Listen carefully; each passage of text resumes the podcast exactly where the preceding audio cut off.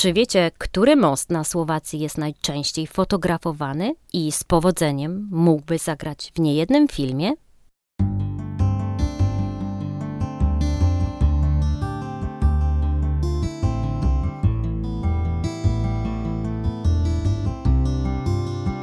To jest podcast Klubu Polskiego.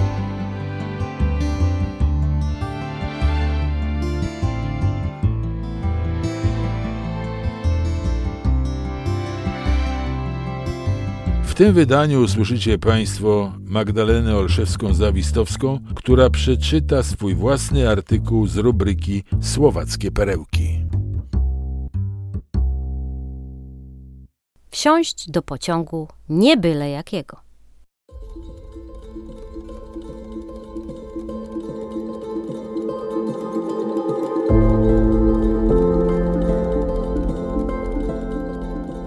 Wysoki, smukły i majestatyczny.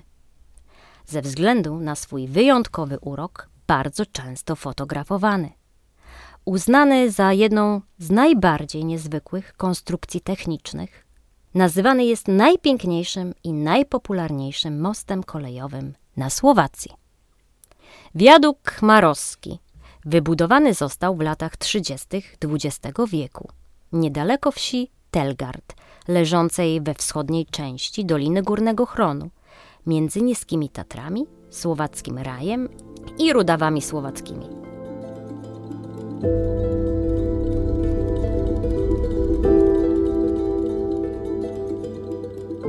Ten niezwykły kamienny most znajduje się na trasie jednotorowej linii kolejowej oznaczonej numerem 173, która prowadzi z miejscowości Czerwena Skala do Margecan, pokonując różnicę wzniesień 172 metry na stosunkowo krótkim, 12-kilometrowym odcinku. Wiadukt składa się z dziewięciu łuków o prześwicie 10 metrów. Ma długość 114 metrów i wznosi się na wysokość 18 metrów nad Doliną Gregora, zwaną Chmaroszką. Most pięknie komponuje się z otoczeniem, a w promieniach słońca wygląda niezwykle malowniczo na tle otaczającej go zieleni. Patrząc na niego, czułam się, jakbym była w Anglii, słynącej ze starych kamiennych mostów.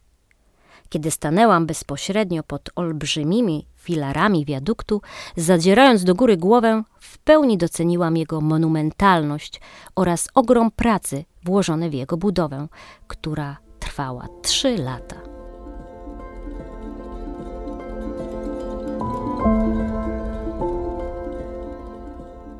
Warto wspomnieć, że podczas stawiania linii kolejowej Czerwena Skala Margecany, najbardziej skomplikowany technicznie odcinek stanowiły właśnie obszary wokół wsi Telgard, która leży na wysokości około 900 metrów nad poziom morza i uważa się ją za najwyżej położoną wieś w Dolinie Chronu.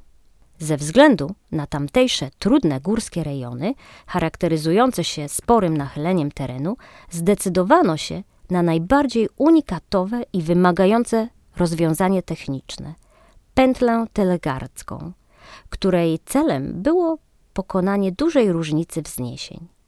W pobliżu wiaduktu wydrążono więc w litej skale tunel tergancki, nazywany też tunelem Kornela Stodole.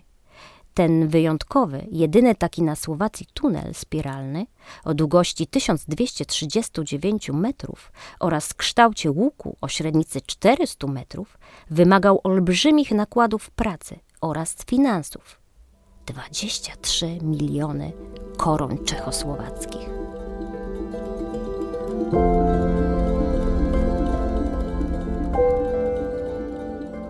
Nachylenie linii kolejowej wynosi 12,5 promila, a różnica wysokości 31 metrów. Kiedy podeszłam do mrocznego tunelu, już z daleka poczułam niesamowity chłód i wilgoć. Podczas jego drążenia pracownicy musieli walczyć nie tylko z naporem skał, ale także z potężnymi strumieniami wody, która wypływała z tunelu w ilości 351 na sekundę. Praca ta była trudna i niebezpieczna, ale ponieważ miała miejsce w czasie kryzysu gospodarczego w latach 1931-1936, stanowiła jedyną szansę na trwałe zatrudnienie w tym biednym regionie.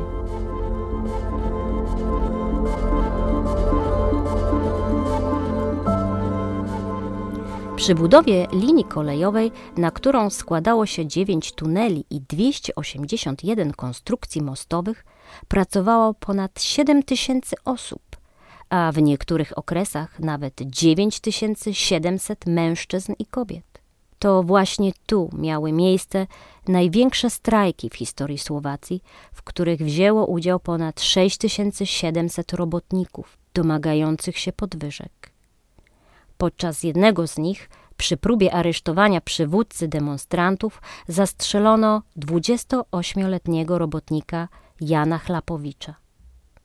Mimo strajków i ofiar, w dniu 26 lipca 1936 roku koleje słowackie oficjalnie przekazały do użytku publicznego całą linię kolejową numer 173 Czerwena Skala Margecany.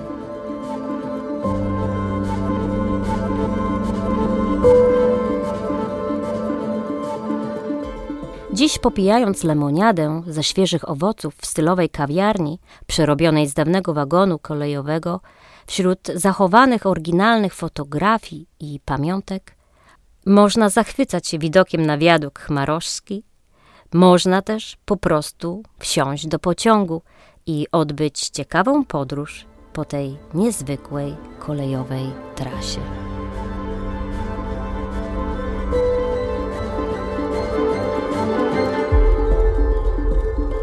Artykuł ukazał się w monitorze polonijnym w numerze 5 w 2022 roku serii Słowackie Perełki autorstwa Magdaleny Zawistowskiej-Olszewskiej. Czytała autorka.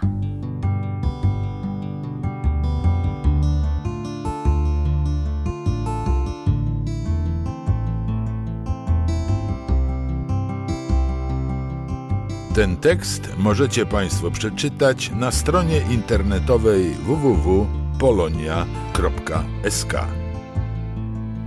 Podkład muzyczny i dźwięk Stanos Technik.